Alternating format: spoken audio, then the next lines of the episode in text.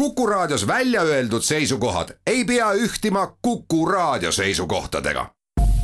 Te kuulate Kuku Raadiot.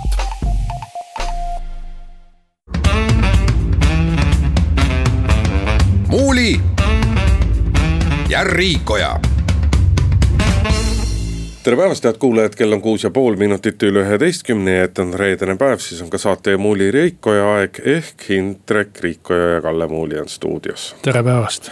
alustame tänast saadet äh, abielureferendumi teemaga, eile siis tuli vastavalt komisjonilt kaks äh, lausevarianti, mida võiks kevadisel abielu puudutaval referendumil rahva käest küsida räägime riigikogu kaugistungite korrast, mis kerkis tähelepanu alla seoses sellega, et Reformierakond eh, tahtis eh, hirmsasti avaldada umbusaldust siseministrile, aga ei saanud eh, seda teha, kuna osad nende liikmed olid viiruse tõttu karantiinis ja, ja hääli ei tulnud kokku ja, ja polnud võimalik ka kaugistungit korraldada, kuna juhatus otsustas, et seda ei ole vaja viirusega lähe-, jätkame ka saadet, räägime nakatumise rekordnumbritest ja uutest ettepanekutest, mis on tulnud valitsuse poolt selleks, et äh, pidurdada koroonaviiruse levikut Eestis. neljandaks räägime ühest äh, hiidvanast habemega teemast, mida ikka aeg-ajalt äh,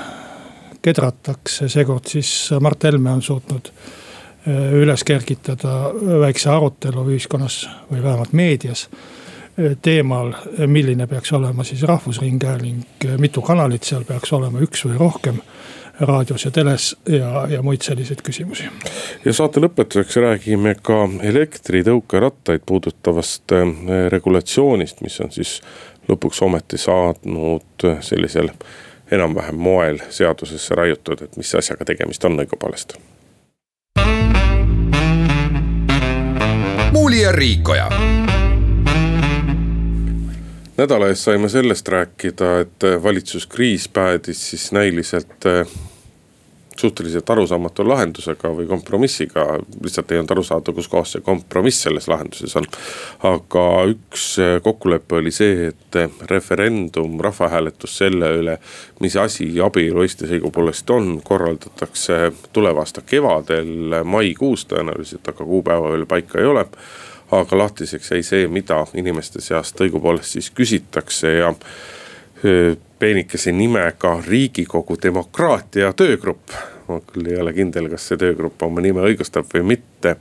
sai siis eilseks valmis kaks lausevarianti, mida võiks rahva käest küsida ja saatisin juriidilisse ekspertiisi, et saada siis täit selgust, et ühest küljest mida need laused õigupoolest ikkagi tähendavad ja teisest küljest, et kas kas sealt saadava vastusega on ka nagu midagi juriidilises mõttes edasi pihta hakata ja ma siis loen nüüd need laused täpselt ette. Esimene variant kõlab siis nii, kas Eesti Vabariik tunnustab abielu üksnes mehe ja naise vahelise liiduna. ja teine variant on, kas Eesti Vabariigis kehtib abielu üksnes mehe ja naise vahelise liiduna. no lihtsal inimesel on üksjagu keeruline aru saada mis need detailid, mis need nüansid on, aga teadupoolest saatan ikka detailides peitub, aga sina, Kalle, oled õigusteadust õppinud, olid juristina töötanud ka, et tee siis palun kuulajatele kiire juriidiline analüüs. mis vahe on nendel kahel lausel? no see oli küll üks teine riik ja teine riigikord, kus ma äh, õppisin ja töötasin juristina et kasutu on ja, toonane ja, kogemus ja, ja haridus. ja tol ajal selliste küsimuste üle ei diskuteeritud. et oli selge, et abielu on äh, mehe ja naise vaheline liit. ja, ja homosid isegi ei nimetatud homodeks tol ajal, vaid kuidagi teistmoodi äh, ma ei hakka kordama, muidu on jälle kellegi solvamine ja vihakõne. noh, ei maksa nüüd niimoodi demagoogitsema hakata. aga, aga äh, jääme nüüd siis praeguse küsimuse juurde, mis vahe neil kahel lausel on?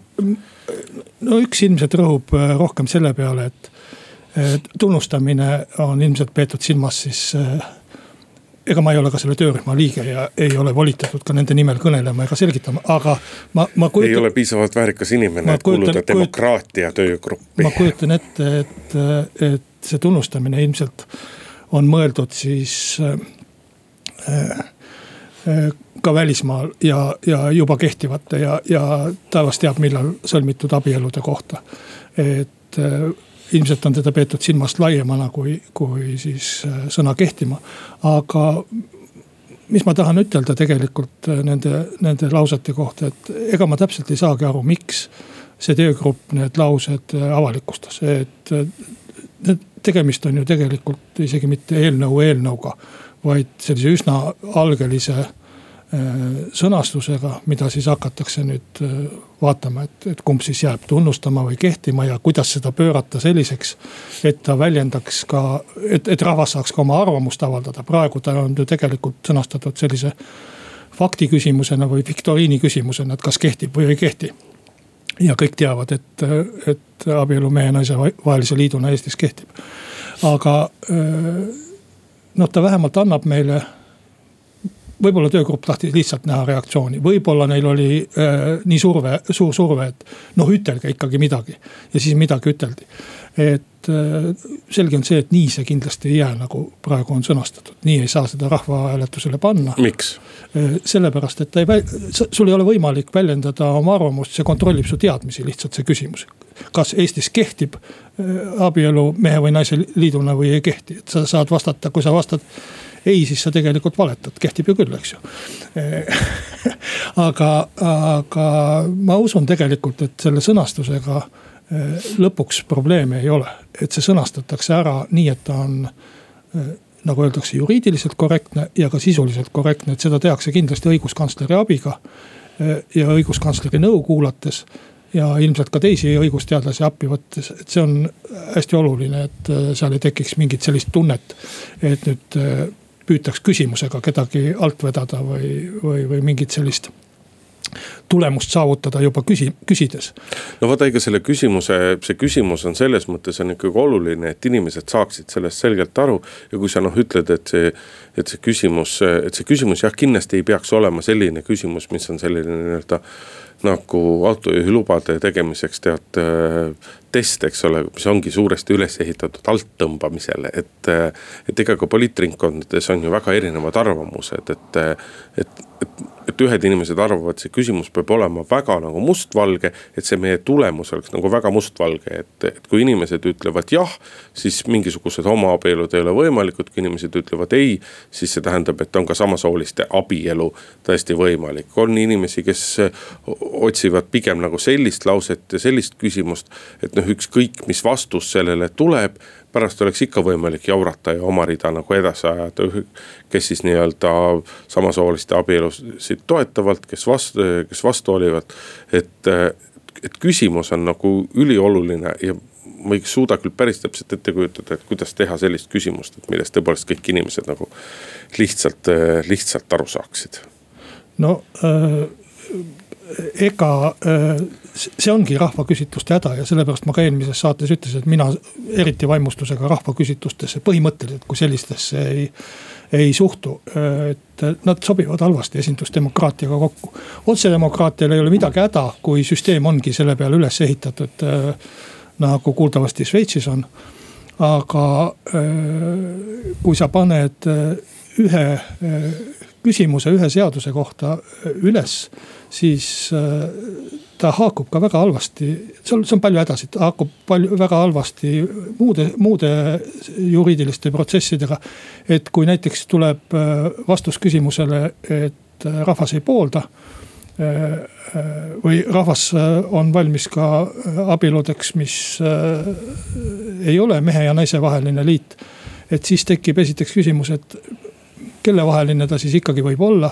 kas ühe mehe ja nelja naise vaheline või, või kahe mehe ja kahe naise vaheline või, või, või meeste omavaheline. ja, ja teiseks, ega äh, seda tuleb ikkagi siis läbi riigikogu hakata seadustama ja ka siis on riigikogu liikmetel vaba mandaat ja õigus otsustada täpselt nii, nagu nad tahavad, võib küll ütelda, et noh see otsus siis läheb või vastuollu võib-olla, et äh, rahva tahtega aga rahvas on ise andnud riigikogu liikmetele vaba mandaadi. noh, siiski on omad võimalused eh, ka nii-öelda seda, seda praktikat, eh, praktikat kujundada ja, ja, ja tegelikkust kujundada ka läbi riigikohtu, ilma et riigikogu võib-olla otseselt mingisugust seadust eh, muudaks, et selles mõttes noh, seal on erinevad võimalused, aga mina siiski tahaks öelda muidugi, et demokraatia töörühm võiks seista eelkõige selle eest, et tõepoolest sellist küsimust üldse ei küsita ja see kõik oleks nii-öelda loomulik. aga selle teemaga väga selgelt selgelt nii-öelda nagu haakub ja ka üks põhjus, miks ka need laused nüüd välja tuuakse. on sellel nädalal nagu palju furoori tekitanud ähm, Roheliste ja Eesti kahesaja äh, petitsioon äh, perekonnaseaduse muutmiseks selleks, et juba perekonnaseaduses sätestada ära see, et. et abielluda võivad ka samasoolised isikud ja noh, kui see nagu läheks riigikogus läbi tänaseks on ta saanud üle kolmekümne tuhande toetusallkirja ja riigikogu peaks ta moel või teisel menetlusse võtma. Et eh, kui see muudatus nagu läbi läheks, siis, eh, siis ei oleks meil rahvahääletust üldse enam vaja. no ma väga tervitan eh, roheliste ettevõtmist. minu meelest on see tore, kui inimesed on aktiivsed ja, ja püüavad oma seisukohti väljendada ka riigikogule aga ma väga kahtlen, et kas see riigikogus isegi äh, eelnõuks või komisjonist edasi jõuab, sellepärast et. no komisjonist edasi ei jõua. selle, sellepärast, et kolmkümmend tuhat häält on võrreldes riigikogu noh, mandaatide taga olevate häältega ikka väga väike summa, ainuüksi EKRE-l on seal üheksateist mandaati ja üle saja tuhande hääle või kuskil sealkandis et äh, aga noh, sellegipoolest väga tubli ettevõtmine, aga eks see oli muidugi, muidugi äh, etteaimatav, et ka opositsioon ka opositsioonijuhid, rääkimata valitsusliidu juhtidest. ei Kaja Kallas ega Indrek Saar ei toetanud või isiklikult keeldusid alla kirjutamast ja ei toetanud seda ettevõtmist, et. et sest noh, nende vaatest, nemad tahtsid ütelda, et seda teemat ei ole vaja üldse rahvaga arutada.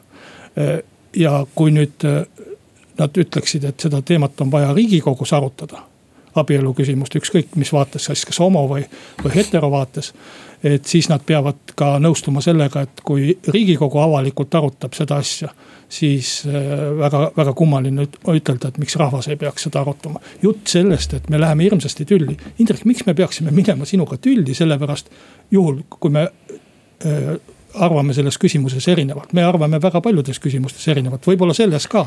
aga, aga ma ei näe küll põhjust sellepärast sinuga tülli minna. no meie sinuga ei lähe tülli, aga see, aga see teema on emotsionaalselt laetud no, teema. demokraatias sa palju... pead arvestama, et kui on eriarvam-, et demokraatia ongi eriarvamused. et väga paljud inimesed lähevad selle asja pärast tülli, selliste asjade pärast tülli ja ka mina olen, olen, olen mingite inimestega just nüüd tülli, aga tuliselt vaielnud. aga Kalle, teeme siin. katsuks abielu lahutused ära hoida, eks. Kalle, aga teeme siin väikese pausi, kuulame paar minutit reklaami ja siis läheme selle teemaga edasi. muuli ja Riikoja Läheme saatega edasi, Kalle Muuli, Hindrek Riik on stuudios ja jäime oma jutuga pooleli selles kohas, mis siis puudutab Roheliste ja Eesti kahesaja äh, ma ei tea, petitsiooni või kuidas iganes seda nimetati, et muuta perekonnaseadust, aga. ega see tegelikult ei ole ju muud kui sissejuhatus ähm, tollele samale kevadisele kevadisele rahvahääletusele ja selle kampaaniale, sest kui me võtame nagu tänased äh, viis parlamendierakonda, siis ainsana nendest saab teha väga selget kampaaniat EKRE-t, EKRE, kellel on, kelle väga selge poliitika ongi selles, et abielu on ainult mehe ja naise vaheline ja ma julgen arvata, kelle puhul lõviosa nende toetajatest ja valijatest arvavad täpselt samamoodi. aga kõik teised erakonnad, no Isamaa võib-olla väikese mööndusega, aga, aga siiski ma arvan, et ka mitte väga.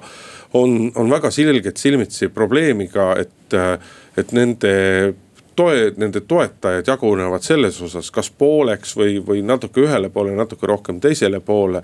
aga no vahet ei ole ja, ja ükski nendest või igalühel nendest on väga suur risk võtta selget seisukohta, sellepärast et neil on oht sellega osa oma valijaid välja, välja vihastada. seevastu Eesti kahesajal ja rohelistel on nii-öelda, neil on väga hea tõmmata endale tähelepanu, sellepärast et noh, roheliste toetus on olenemata, olematu nii praktikas kui ka reitingute järgi, noh Eesti kahesajal siin viimaste uuringute järgi. on justkui toetus nagu väga ilus olemas, kuigi tegemist on parlamendivälise erakonnaga, aga kui me parlamendivalimiste eelsetki aega meenutame, siis äh, nii-öelda väga paljudes reitingutes oli Eesti kahesaja toetus väga hea. aga noh, valimistel jäi see tublisti allapoole nii-öelda viit protsenti, et neil on nagu võimalus ja koht, kus praegu nii-öelda poliitilist kapatsiteeti endale saavutada, toetust nagu võita teine pool on jälle see, et KOV-i valimisteni jääb ikka peaaegu pool aastat aega, ehk see töö, mis suudetakse toetuse leidmise näol nii-öelda järgmise poole aastaga ära teha, see toetus jõutakse ka ennem KOV-i valimisi ka ära kaotada. no kõige suurem probleem on muidugi kahel kõige suuremal erakonnal, see on Keskerakonnal ja Reformierakonnal, teistel ka, ma möönan. Äh, tõesti kõigil peale EKRE, et noh, nendel on, nendel on ikkagi see tükk niiviisi vaata et enam-vähem võrdselt pooleks.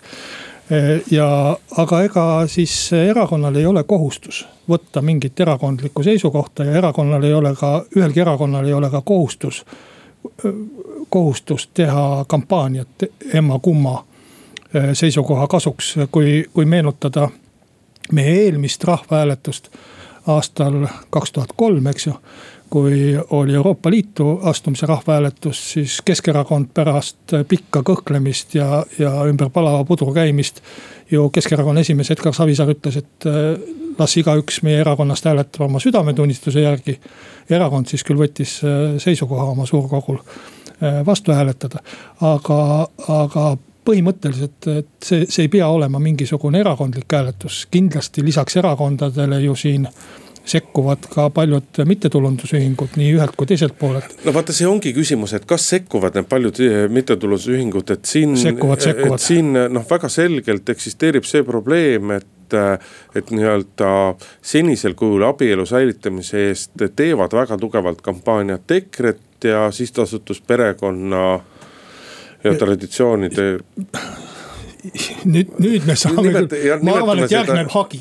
ja nimetame seda siis tuntud kui Varro Vooglaid ja Markus Järvi sihtasutusena. et nemad teevad väga selgelt, äh, väga selgelt nii-öelda oma kampaaniat, nad kindlasti kaasavad väga palju nii-öelda selliste väikeste annetuste kaupa rahastamist. lisaks on neil mõned suuremad saladuslikumad annetused, mitte tingimata halvas mõttes, aga lihtsalt nad ei ole oma suurte toetajate nimesid avaldanud, äh, avaldanud kunagi. aga kes nii-öelda peaks tegema kampaaniat selle poolt, et äh, et, et senisest äh, abielu mõistest ehk siis mehe ja naise vahelisest abielu mõistest äh, loobuda, noh et kes seda kampaaniat peaks tegema. et see nagu on küsimus ja, ja selles mõttes on nii-öelda ta nagu demokraatia seisukohast on väga hea, et Rohelised ja Eesti kakssada on praegu sellise nii-öelda algatuse ette võtnud. aga kas neist on ka, on ka muidugi suure kampaania tegemist ja, ja mis veelgi olulisem, nii-öelda suure kampaania jaoks raha kaasa kaasajat, siis see on nagu see küsimus, milles ma ei ole nagu päris kindel. no ma arvan, et see on nii tundlik küsimus, et isegi kui eh, keegi suurt kampaaniat ei tee, milles ma väga kahtlen, ma arvan, et tulevad suured kampaaniad. Eh, et ajakirjandus kajastab seda nii palju, et inimestel infopuudust kindlasti ei, ei teki. ja, ja ma arvan ka, et me ei pea siin eh, ikkagi tulen tagasi selle tüli ja lõhestamise juurde, et me ei pea siin ühiskonnana kohutavalt lõhki jooksma, et see ei ole mingisugune väga eriline äh, rahvahääletus. see jutt on see, kõik sul ilus ja tore seda, ja korraliku poliitika saan... jutt, aga see väga selgelt. ja eriti see kampaania, see kampaania läheb äh, vähemalt ühelt poolelt ilmselgelt nii-öelda pahatahtlikuks, halvustavaks ja lõhestavaks, meil ei ole sellest ma, pääsu, meil ei ole ma, sellest pääsu. ma nii ettenägelik ei ole ja ma väga, väga manitsen, et selliseid küsit- või hääletusi on tehtud. ma ka väga tahaks, et see ei oleks selline. Euroopa riigis ja on saadud väga hästi hakkama, Iirimaal, võib-olla Slovakkias. ma usun, et Varro Vooglaid suudab teha väga mõistlikult, väga tasakaalukalt, väga asjalikult nii-öelda esindada oma poolt, mille poolt ma ise võib-olla tingimata ei ole. aga et perekond Helmed või keskmised EKRE inimesed suudaksid seda teha tasakaalukalt ja normaalselt, vabandust, elu on näidanud näidanud, et sellesse ei maksa uskuda, aga teeme siinkohal väikese pausi, pooltunni uudised ja siis läheme saatega edasi. muuli ja Riikoja.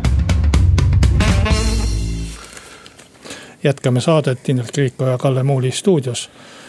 räägime siis nüüd ära jäänud või peaks ütlema viisakamalt edasi lükkunud umbusaldusavaldusest või usaldushääletusest siis siseminister Mart Helmele, mida mida Reformierakond ja võib-olla kogu opositsioon tahtis ette võtta. täpselt ei tea, sest avaldust ju ei antud üle ja ei tea, kes seal alla kirjutanud olid. või oleksid alla kirjutanud ja mis siis jäi ära seetõttu, et opositsioon leidis, et neil ei ole eh, piisavalt eh, hääli, kuna kaks Reformierakonna liiget olid eh, koroonakarantiinis, Siim Kallas ja Aivar Sõerd kes siis ei oleks tohtinud saada kohale tulla ja esimest korda siis kergitus või kergitati siis küsimus sellest, et peaks äh, korraldama riigikogu kaugistungi. kuna kaks liiget ei saa kohale tulla ja juhatus otsustas siis, et äh, see ei ole see kaalukas põhjus, mis on seaduses kirjas, mil puhul peaks kaugistungi korraldama. no ega see umbusaldamine, see ei ole nagu küsimuseks, et Kaja Kallas võib ju käia ja rääkida sellest, kuidas tema teab umbes kümmekond kümmekonda koalitsioonisaadikut, kes, kes tahaksid Mart Helmet usaldada ja noh, umbes viis oleks nendest võimalik ikkagi. umbusaldada ka..., sa tahtsid ütelda? Ütlesid ja, usaldada. vabandust, umbusaldada. Neid, kes umbes, usaldada tahavad, neid on ikka märksa rohkem. et umbes viis oleks neist ikka võimalik võib-olla kätte saada ja siis oldakse omadega mäel, mäel, et Kaja Kallas teab täpselt samamoodi nagu mina, et see umbusaldus ei lähe mitte mingisugusel juhul läbi. sellepärast, et Reformierakond ja sotsiaaldemokraadid eh, tahavad selle poolt olla, et, et kui see umbusaldus läbi läheks, siis üks või teine koalitsioonierakond, kes tahab koalitsioonist väljuda, ütleks ka Kaja Kallasele selge sõnaga, et tehke ära, me toetame teid. aga küll on tõsi asi see, et, et see riigikogu kord, mis puhul, mis puhul korraldada äh, kaugistungit, see vajaks nagu väga täpset ja selget nagu sõnastamist. ühest küljest võib öelda, et oli riigikogu esimehes Henn Põlluaasal oli täiesti õige, kui ta ütles, et. ikka juhtub seda, et mõni saadik on haige, mõni saadik on äh, välislähetuses, et see, et kaks saadikut peavad olema karantiinis äh, või eneseisolatsioonis, et see ei ole, ei ole see kaalukas põhjus aga noh, ilmselge on ka see, et Henn Põlluaas on ennast paljudes kohtades näidanud seda, et. et kui suur osa nagu varasematest parlamendi esimeestest on suutnud nagu tõusta oma erakondlikust kuuluvusest ja kõigest sellest reeglina kõrgemale. ja suutnud olla tõepoolest nii-öelda nagu kogu riigikogu esimehed, siis Henn Põlluaas nüüd päris sedasorti mees ei ole. ja sellistel puhkudel jääb alati see oht, et seda väljendit kaalukas põhjus, et selle kaalumisel või selle otsimisel lähtutakse oma nii-öelda koduerakonna agendast, et eh, lihtsalt oleks vaja täpsemalt reguleerida, sest praegusel hetkel noh, nii-öelda nagu võimalus on olemas kaugistungi jaoks. juriidiline võimalus, tehniline võimekus. aga kas seda tegelikult saab korraldada ka siis, kui seda tõesti vaja on, selles me ei saa mitte kunagi kindlad olla. no ega Henn Põlluaas nüüd üksi ka ei otsusta, et otsustab ikka juhatus, aga äh,. noh, mis see Seeder parem on? Äh, Seeder on palju parem, aga ütles Isamaa liige aga. no ma usun, et sa oled tegelikult minuga nõus, et see regulatsioon vajaks täpsemat sätestamist, ega meil muust ei olegi selles vallas rääkida. Seeder on nii palju parem, et ma olen temaga ühes, ühes erakonnas. jah, me ei pidanud Seederist rääkima parlamendis. sa hakkasid ise rääkima, aga äh, tegelikult selle täpsustamisega praegu tegeldakse, ma olen isegi ühte eelnõu äh, poega näinud. Äh, aga noh, kui kujutad ette, Kaja Kallas ütles ka muide seda, et, et mitte ainult kaks saadikut, vaid ka, et kui üks fraktsioon äh, nõuab või palub või taotleb. et no tegelikult ka see on ikkagi absurd, et sel juhul võiks iga fraktsioon kus on kaks inimest haige, pidevalt nõuda kaugistungit. ei, ma olen sinuga täiesti nõus, aga noh, ma ütlen, et, et, aga mis see regulatsiooni ettepanek siis on? noh, seal on erinevaid variante ja. no räägi meile. kuna need on töö, töövariandid, siis nad ei ole ka avalikud variandid, enne kui, kui midagi otsustatakse, aga Kaja Kallas võiks ju mõelda ka nii, et võib-olla kunagi kauges tulevikus, no väga kauges tulevikus, ütleme niiviisi, ikka läheb valimisi ja valimisi. et siis võib-olla, et kunagi on Reformierakond ka valitsuses et äh, siis äh, on ju temal vaja seda, et opositsioon ei saaks äh, korraldada järjepidevalt kaugistungeid ja, ja riigikogu autoriteeti sellega alla kiskuda, et riigikogu ei käigi koos. aga noh, ma arvan, et see kaugistungite asi loodi ju selleks, et kui nahk, nakkusoht on nii suur et riigikogu ei saa kokku tulla ja on oht, et nad üksteist nakatavad ja, ja, ja midagi sellist aga noh, selleks, et kaks inimest on komandeeringus või, või kodus, et noh, sellepärast ei pea küll nüüd hakkama riigikogu töökorda muutma. nõus. muuli ja Riikoja kui siin äh, nädala või pooleteise, kahe nädala eest tundus, et Eestis läheb nagu päris hästi, et vahepeal tõusid koroona nakatumise arvud suureks. Äh, siis numbrid jälle jäid jälle väikeseks, me olime peaaegu et kõige väiksema nii-öelda nakatumisnäitajaga riik Euroopas, siis viimase nädala jooksul on numbrid jälle nii-öelda eh, meie mõistes tublisti kerkinud, aga sellest hoolimata, hoolimata Euroopas oleme me ikkagi, ikkagi heas mõttes nagu tagumiste, tagumiste seas, et eh, viimasel ööpäeval sada üks uut nakatumisjuhtumit ja vahepeal siin oli üle saja kahekümne. valitsus eh, on kaalumas nagu mitmeid uusi piiranguid, üks ja noh, vast kõige rohkem kõneainet pakkunud piirang on siis see, et, et, et mitte ei keelata enam äh, baarides ja meelelahutuskohtades nii-öelda ajaliselt ei piirata alkoholi müüki, vaid reguleeritakse ka seda, mis ajal või mis ajal õigupoolest tohib alkoholi tarbida meelelahutuskohtades ja, ja noh noh, tegelikult ma saan aru äh, ettevõtjate pahameelest, meelelahutusärimeeste pahameelest, aga kui me nagu ühiskonna seisukohalt võtame, siis väga äh, raske on vastu vaielda, et see ettepanek äh, on laias laastus mõistlik. me, me peame olema õnnelikud ja peame olema tänulikud selle eest, et, et Euroopa kontekstis on nakatumine jätkuvalt väga madal. ja me peame olema rõõmsad selle üle, et et peamiselt nii-öelda jätkuvalt see Eesti nakatumine on selliste, on, on kollete põhine ehk, ehk see ei ole nii-öelda sa ei või saada suvalisest kohast seda viirust. ja, ja, ja nii-öelda laialist, laialdast massilist levimist ei ole, enamus inimeste nakatumise koht on enam-vähem täpselt teada no muidugi me võime ütelda, et Tšehhi ja Belgia taustal me näeme väga head välja. ja, ja võime ütelda enda lohutuseks ka seda, et selle saja ühe puhul või, või ka saja kahekümne viie puhul, mis siin üks päev oli. et suur osa nendest on Viru vanglas trellide taga ja väga nakkust levitama ei pääse, isegi siis, kui karantiinis ei oleks aga noh. või selline... jalgpallurid, kes on juba Eestist ära läinud ja nii edasi. jah, aga see on selline natukene ka enesepettuse värk, et eks meie nakatumine ole ikkagi Äh, piiri peal ja terviseameti äh, võimete piiri peal, äh, jälgimisvõimete piiri peal. et, et tegelikult tuleks ikkagi väga tõsiselt sellesse suhtuda, mina isiklikult seda joomise ärakeelamist ei poolda. ma arvan, et see on selline selline absurdimaiguline. et me hakkame nüüd kontrollima, mis inimesel seal kohvitassis on äh, tol õhtul ja, ja millise pudeli ta põuest välja võtab ja, ja kas baaritöötaja teadmisel või mitteteadmisel endale kuskile kallab. et pigem ma nagu mõtiskliks selle üle, et vaata siis neid ettevõtjaid. noh, kehtestatakse selline suhteliselt mõistlik piirang, ärge müüge sellest kellaajast, siis hakatakse välja mõtlema mingeid trikke kuidas ikkagi müüa. mingisuguseid vautšereid ja, ja taevas teab mingisuguseid asju, ostke endal kannud hommikuni täis.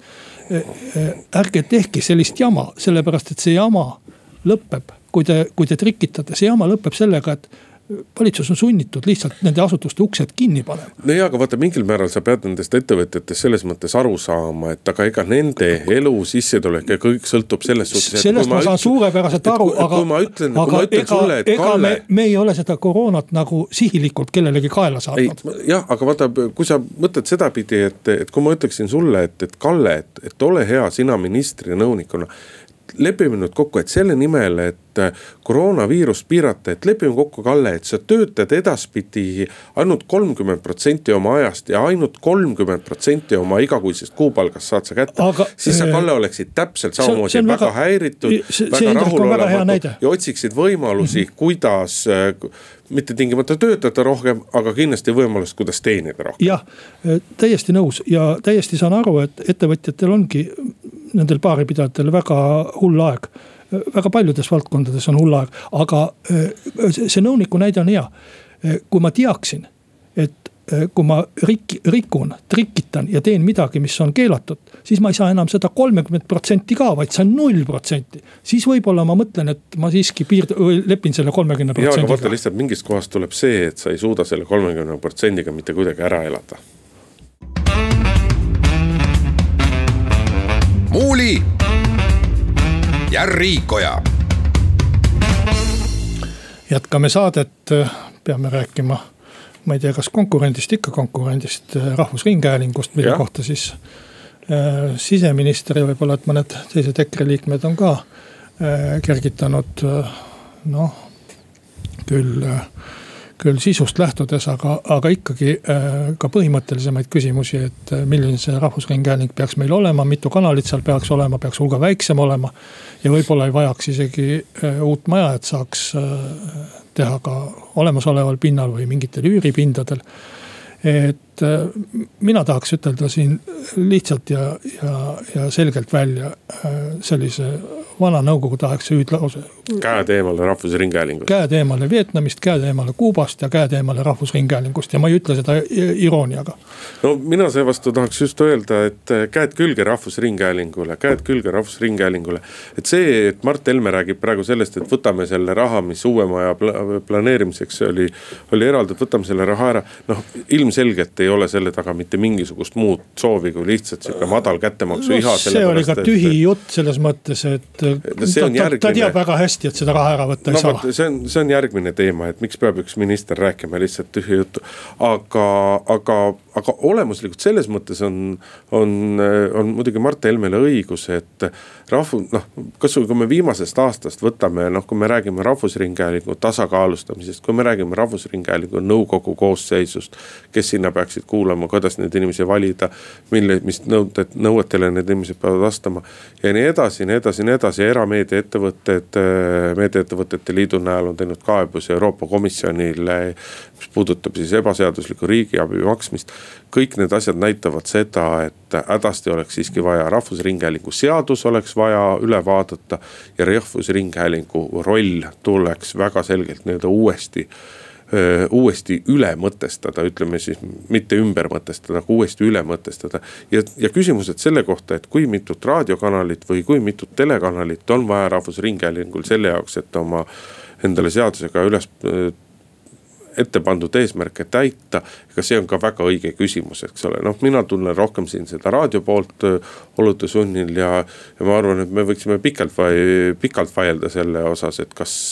kas on vaja Vikerraadiot, kas on vaja Raadio kahte, kas on vaja Raadio Tallinnat, kas on vaja Raadio nelja, et, et igal pool on oma head vead aga siiamaani ei ole poliitiliselt olnud mitte mingisugust tahtmist, kellelgi mitte mingisugust tahtmist selle Rahvusringhäälinguga tegeleda. ja teatud mõttes ongi nagu tekitatud olukord, et või sellega on tekitatud olukord, kus nii kui keegi hakkab midagigi Rahvusringhäälingu reformimisest, eesmärkide ümbervaatamisest rääkima. siis sellest, selle peale paisub Rahvusringhäälingu sees nagu selline pahameeletorm. et kõik justkui, kõik poliitikud hirmuvad, tõmbavad eemale ja keegi ei julge midagi teha, et noh, see on seesama, mida. seal me..., seal on äh, muu probleem, äh, rahvusringhäälingu seaduses on tõesti sätted, mis on aegunud ja mis vajaksid kohendamist. ja, ja see seadus vajaks ka täiendamist nende sätetega, mida seal üldse pole. aga, ja, ja, ja see on olnud juba mitu aastat, aga, aga ma, ma arvan, et, et kunagi tuleb seda teha. aga praegu ei ole see kindlasti see õige aeg miks see praegu see õige aeg ei ole? Äh, aga probleemid mit, ju mitu, ainult mitu, kuhjavad mit,. mitu hääletust ja mitu valimist on äh, peale tulemas kohe. see ei ole asi, mida on võimalik teha poole aasta või aastaga ja, ära. ja sellises olukorras arutada erakondade vahel nii tundlikku küsimust nagu Rahvusringhääling, ma arvan, et see on hästi halb aeg kõik erakonnad, kes, kes vähegi mõtlevad, ei taha seda seadust avada. sellepärast just, et kui sa selle lahti teed ja hakkad parandama neid asju, mis sinu meelest vajavad parandamist. siis, ongi... siis pöördub see täielikuks kaoseks. aga vaata, see ongi see küsimus selle kohta, et kas poliitikud suudavad olla ka riigimehed või on nad kogu aeg ainult nii-öelda reitingunumbrite peale mõtlevad. ma arvan, et see võiks olla isegi vahel... selline küsimus olla, millega minna välja valimiskampaaniale, et millist rahvusringhäälingu ja, ja siis oleks ja see, siis oleks see aus käsitlus. ja selline ja sellised arutelud ei tähenda seda, et keegi läheb äh, Rahvusringhäälingu sõltumatuse või Rahvusringhäälingu ajakirjandusvabaduse kohale, et selliste arutelude algatamine. aga kui sa teed seda va valimiste eel, siis see kindlasti mõjutab ka Rahvusringhäälingu sisulist tööd. tema võimalusi ja tahtmisi valimisi ühes või teises suunas kajastada. noh, see on juba küsimus ajakirjanike professionaalsusele. sellepärast ma ütlen, et käed eemale Rahvusringhäälingust. käed külge. muuli ja Riikoja ja saate lõpuks räägime sellest, et lõpuks on saanud nagu selgelt ära reguleeritud, et mis loomad Eesti liikluses on siis elektritõukerattad, midagi nendega võib teha, kus nendega võib teha ja, ja nii edasi, sellepärast et noh. iga inimene, kes liikluses viimasel paaril aastal osaleb, on, on nii heas kui halvas nende elektritõukeratastega kokku puutunud, mind noh, pigem rohkem nagu autojuhina muidugi häirib see, et, et, et tihtipeale väga tihtipeale juhid ei oska sõita nende sõiduristadega ilmselgelt ja, ja ma olin siiralt üllatunud, kui ma küsisin seda statistikat nii-öelda liiklusõnnetuste kohta. liiklusõnnetuste, see nüüd puudutab siis neid õnnetusi, kus on osalenud elektritõukeratas ja veel mõni eh, sõiduvahend, jalgratas, auto, mopeed, mis iganes. ja tuli välja, et, et selle aasta oktoobri alguse seisuga on juhtunud ainult üheksateist õnnetust, liiklusõnnetust, siis eelmisel aastal oli neid liiklusõnnetusi viis ja kaks varasemat aastat oli kummalgi üheks.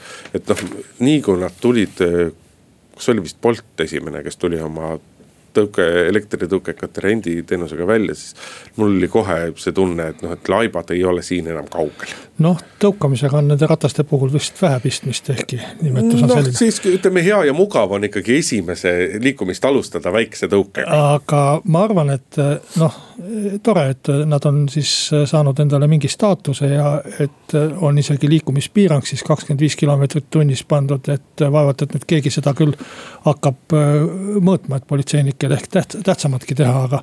tead, mulle üks, mulle üks kunagine sportlane ikka räägib aeg-ajalt seda, kuidas ta sai jalgrattaga sõites Rootsis trahvi, sest et ta sõitis neljakümne alas, sõitis, kas vist oli nelikümmend kuus, nelikümmend kaheksa, number pole tähtis, aga ta ületas jalgrattaga kiirust ja sai trahvi. et mine tea. ja aga ma arvan, et sellistes, selliste sõidukitega nagu need elektritõukerattad on, nimetame siis neid nii ja, ja sellised aeglasemad ja, ja vähem ruumi võtvad äh, muud liikurvahendid, et nendega peab olema ikkagi see äh, see printsiip, mis toimib näiteks poe uksel, et, et on lihtsalt vaikiv kokkulepe või, või teatud viisakus või teatud käitumisviis. Äh, enne välja, siis sisse ja, ja noh, vähemalt meie kultuuris ja, ja minu kooli ajal õpetati niiviisi, et enne lastakse inimene uksest välja, siis sisse. selleks ei ole vaja seadust. ja ma arvan, et suur osa sellest liiklusest seal kõnnitee peal ja sõidutee peale ma kindlasti neid ei ajaks et sõidu, kõnnitee peal peabki jääma selliseks, et tõukeratturid peavad olema viisakad ja arvestama ja teatud reegleid iseendale kujundama või koos jalakäijatega kujundama ja jalakäijad samuti ma tahaks sinuga ühest küljest kangesti nõus olla, aga teisest küljest ma, ma ei saa selles mõttes nõus olla, et noh, kui me räägime ka sellest, et nüüd kehtestatud kiirusepiirang on kakskümmend viis kilomeetrit tunnis, et kui me nüüd mõtleme. mõtleme, ma ei tea, Pirita tee peale, mis on, kus on ometi nii-öelda lai üheskoos nii kergliiklustee kui jalakäijate tee. no seal on siiski öeldud kitsa..., et jalakäijate juures pead valima ja. teise kiiruse. no just, aga, aga, aga kui sa mõtled, et noh, et sa võid seal kahekümne, siiski sa võid kahekümne viies kilomeetrise tunnikiirusega sõita. võrreldes jalakäijaga on see ikkagi nii-öelda väga suur kiirus ja, ja kui, ja kui sa sõidad äh, elektritõukerattaga kiirusega, ma ei tea, kakskümmend kolm või kakskümmend kilomeetrit tunnis otsa jalakäijale, siis sellest sünnib väga palju pahandust. seadus ei ütle, et sa pead talle otsa sõitma. ei, muidugi ei ütle, aga see, aga see võib juhtuda sellises olukorras, võib see, et selles mõttes äh, võrreldes jalakäijaga on ka elektritõukeratas siiski ikka nii-öelda kõrgendatud ohuallikas väga selgelt. selgelt, et kõik kõik, mis liigub ja, suure kiirusega on no, ohuohtlik. et sellistele headele kommetele ja, ja, ja kirjutamata kokkulepetele noh, ei saa kahjuks elu on näidanud, ei saa ainult lootma jääda, et selles mõttes need regulatsioonid nagu peavad olema ja ja, ja, ja küsimus sellest, et kas elektritõukerattaga sõitmiseks peab olema mingi luba, ei ole ka sugugi minu arust mitte kohatu küsimus. noh, samas ma ikkagi kujutan ette, et, et kui politsei hakkab, hakkaks väga intensiivselt tegelema su, suhteliselt väheohtliku. nojah, aga kui seal ikkagi mingi anarhia toimub, siis tuleb ka sellega tegeleda et, ka politseil. hakkame alkoholi mõõt-, tarbimist mõõtma ja, ja muid selliseid asju. aga kuule, kuskil nii-öelda öises, öises linnas, nojah, praegu on alkoholimüük on piiratud, aga kui ta piiratud ei oleks, siis, siis on ka selle. kõik puhuvad elektritõukeratastele. no mis sa teed hädaga, võib-olla tuleb seda ka vahel teha, aga võimalus selleks peab igal juhul olemas olema. aga meie tänase saate aeg on otsa saanud, Kalle Muuli, Hindrek Riik olid stuudios. ilusat nädalavahetust ja kuuleme jälle nädala pärast reedel. muuli ja Riikoja